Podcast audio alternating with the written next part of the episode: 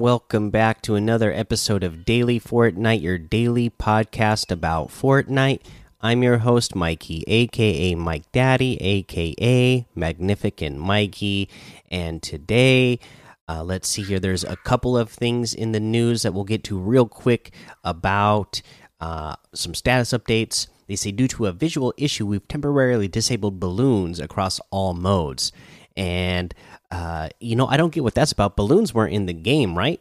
Uh, or maybe just creative. So they're, but they are making sure that they let everybody know that they've just been disabled everywhere. Or are they talking about the visual items in the game for balloons? I, I, I was confused on this one because we haven't seen balloons in a long time in the game, and I, I do love, I do love uh, balloons. Uh, so I, am not sure what is going on uh, with that, but uh, yeah, they they have been disabled, so no more balloons uh, for now. From you know looking through the comments, it looks like yeah, it's the actual balloons, uh, the kind that you can uh, deploy and use. But I think those are only in creative right now, so uh, I don't think they're going to get used too often. Now let's go ahead and look at uh, the other thing. Uh, we mentioned that the uh, split screen uh, was fixed. Unfortunately, that is not the case. They're saying that uh, you know, though marked as resolved with the release of version 15.50, we're aware that the split screen ready up issue has not been resolved fully for players. We are working to address this, so hopefully uh, that issue is going to be fixed really soon for all the players out there. Uh, you know, especially, you know, I know there's siblings or parents and their kids that like to share a console and play together, so hopefully they can get that split screen issue uh, fixed uh, quickly here. Uh, let's take a look at the LTMs real quick. We have the floor is lava, uh, disarmed squads. We have go goaded slow mode, slow mo enabled. Uh, that is a community creation, and the snipers versus runners community creation. It's Friday night bragging rights as well. Remember trios, of course, and uh, Team Rumble is unvaulted. Uh, so check those out let's go ahead and get to our news now.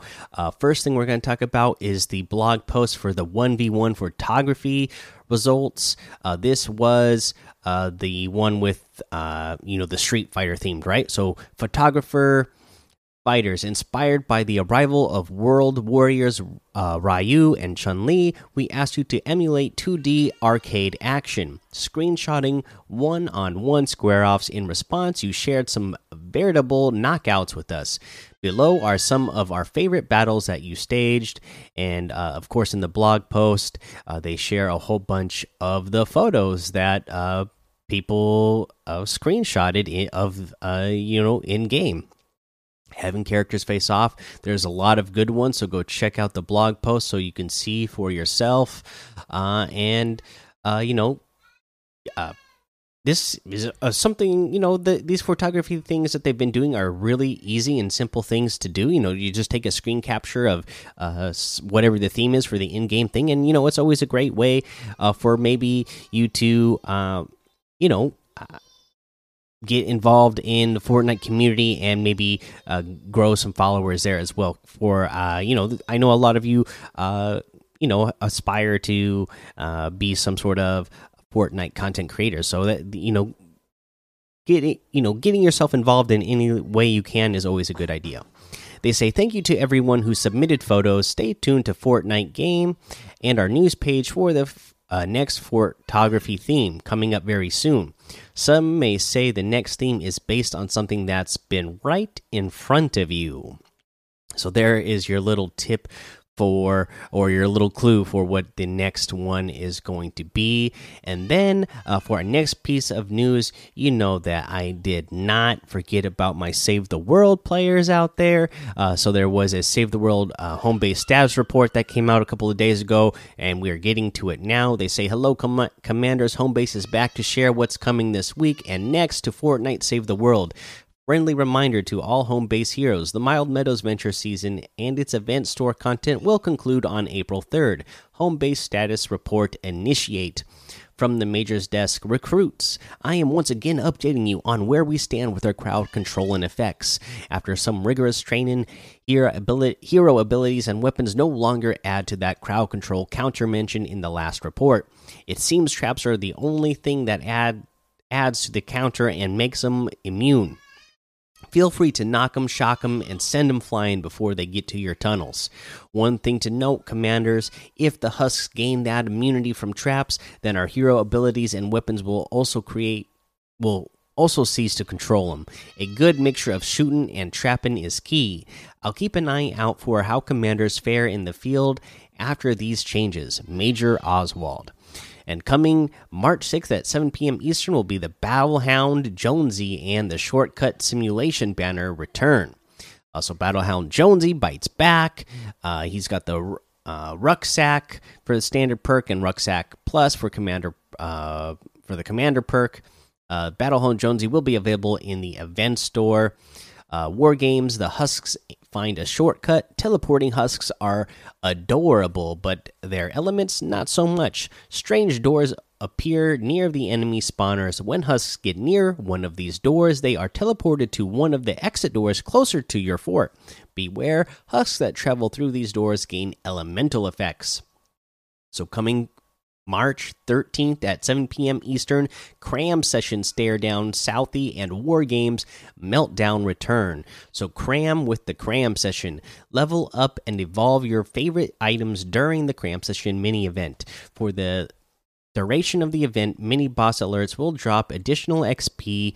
Evolution material reperk or perk up rewards instead of one. Mini boss mission alerts will continue to drop tickets added or series of quests, each of which has 10 stages that grant increasingly better one time reward upon completion. Cram session will be available from March 13th through April 3rd. And then stare down Southie, give him the bear stare. Man, green looks good on me from Stare Down Southie. He's got the standard perk of Bear Stare and the commander perk of Bear Stare Plus. Stare Down Southie will be available in the event store. War Games Stop the Meltdown. Your Storm Shield has gone critical and is emitting a growing radiation field. From what we hear, radiation is unpleasant and causes visibility issues while in direct contact. See you in the field, commanders. And that is your uh, Save the World update hopefully uh, you save the world players out there are still having a good time playing that you know i still sign in daily to get my daily rewards uh, i it's been a long time since I've played but I at least go in there and sign in every day so I can get those free rewards. Uh, let's see here. Uh, yeah, that's what we got for new. So let's go ahead and do a challenge tip. And for this challenge tip, let's do the one where you need to uh, find, collect cookbooks from Pleasant Park and Craggy Cliffs. Uh, you need to collect four in total. So we're going to go ahead and look at uh, Pleasant Park first uh, Pleasant Park, most of the books are on the west side of town. In uh, the in the houses on the west side of town. So uh, go to the west side of town. The uh, yeah, pretty much the four main houses that are on the west side of town should have a book in them. You're just looking for like a blue glowing book on the floor, and then there's one on the uh, northeast side of town in that house as well. And then, if we're going to go look at Craggy Cliffs, uh, you're going to look on the southeast end of the uh, of the town, the two south southeasternmost uh, buildings, and then the building that is most east, that's kind of up on the hill. You should find one in there, and then there should be one in uh, the I think that's the building with the with the tower.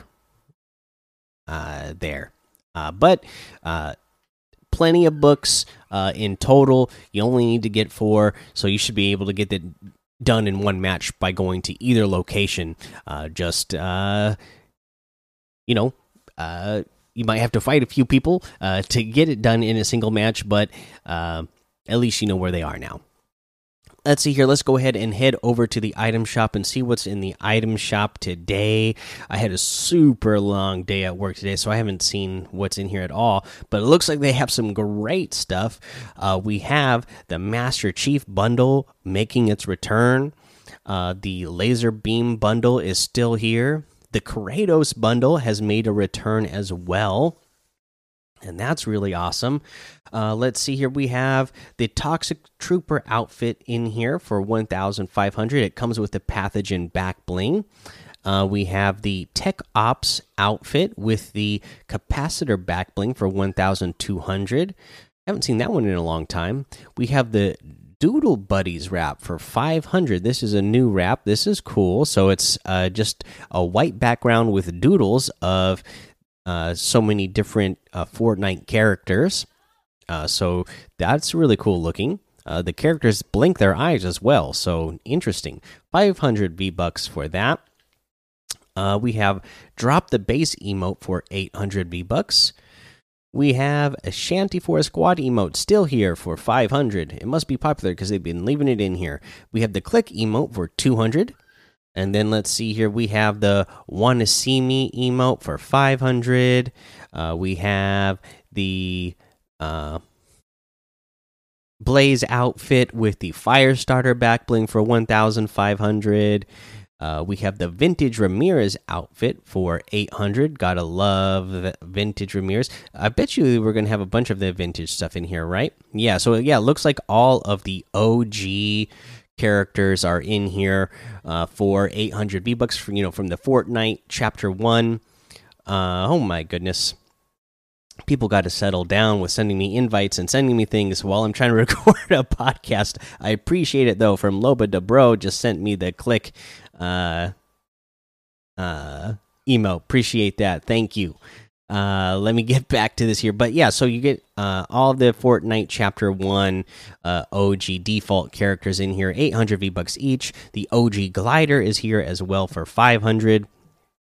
And that looks like everything in the item shop today. So you can get any and all of these items using code Mike Daddy M M M I K E D A D D Y in the item shop, and some of the proceeds will go to help support the show. Okay, let's see here. Uh, our tip of the day. So for our tip of the day, uh, I saw some players in uh, the Discord talking about dead zones. Okay, so dead zone. If you if you don't know what the dead zone is for, you know it's for controller players. The dead zone is how far you have to push your controller before it responds. So if you have um, your dead zone set at 50%, that means you would have to push your stick halfway forward before it would actually start registering that you were pushing it forward. So now, if you had it set all the way down to 0%, that means any slight movement you make, the controller will detect it and the Fortnite will, uh, you know, detect it. So, uh, you know, or let's go to the other extreme. If you had it set at 100%, that means you'd have to, before your character would start moving and looking in the direction that you were trying to look, you would have to push the stick all the way uh, to the left, or all the way to the right, or all the way forward, or all the way uh, down before it started responding. I like to have mine at 10%. That seems kind of to be the standard. Uh, I feel like it's a it responds fast enough that I can move my character accurately and uh, but it's not so low. I, I feel like if you have it too low, uh, you know, controllers can be a little bit finicky. So if you have it, you know, down there at like, you know, one, two, three, four percent, I feel like, uh, you know, just because they're controllers, they're they're analog sticks. Just a little bit movement can make it you know not feel as accurate as I want want it to. but it's all about your comfortability.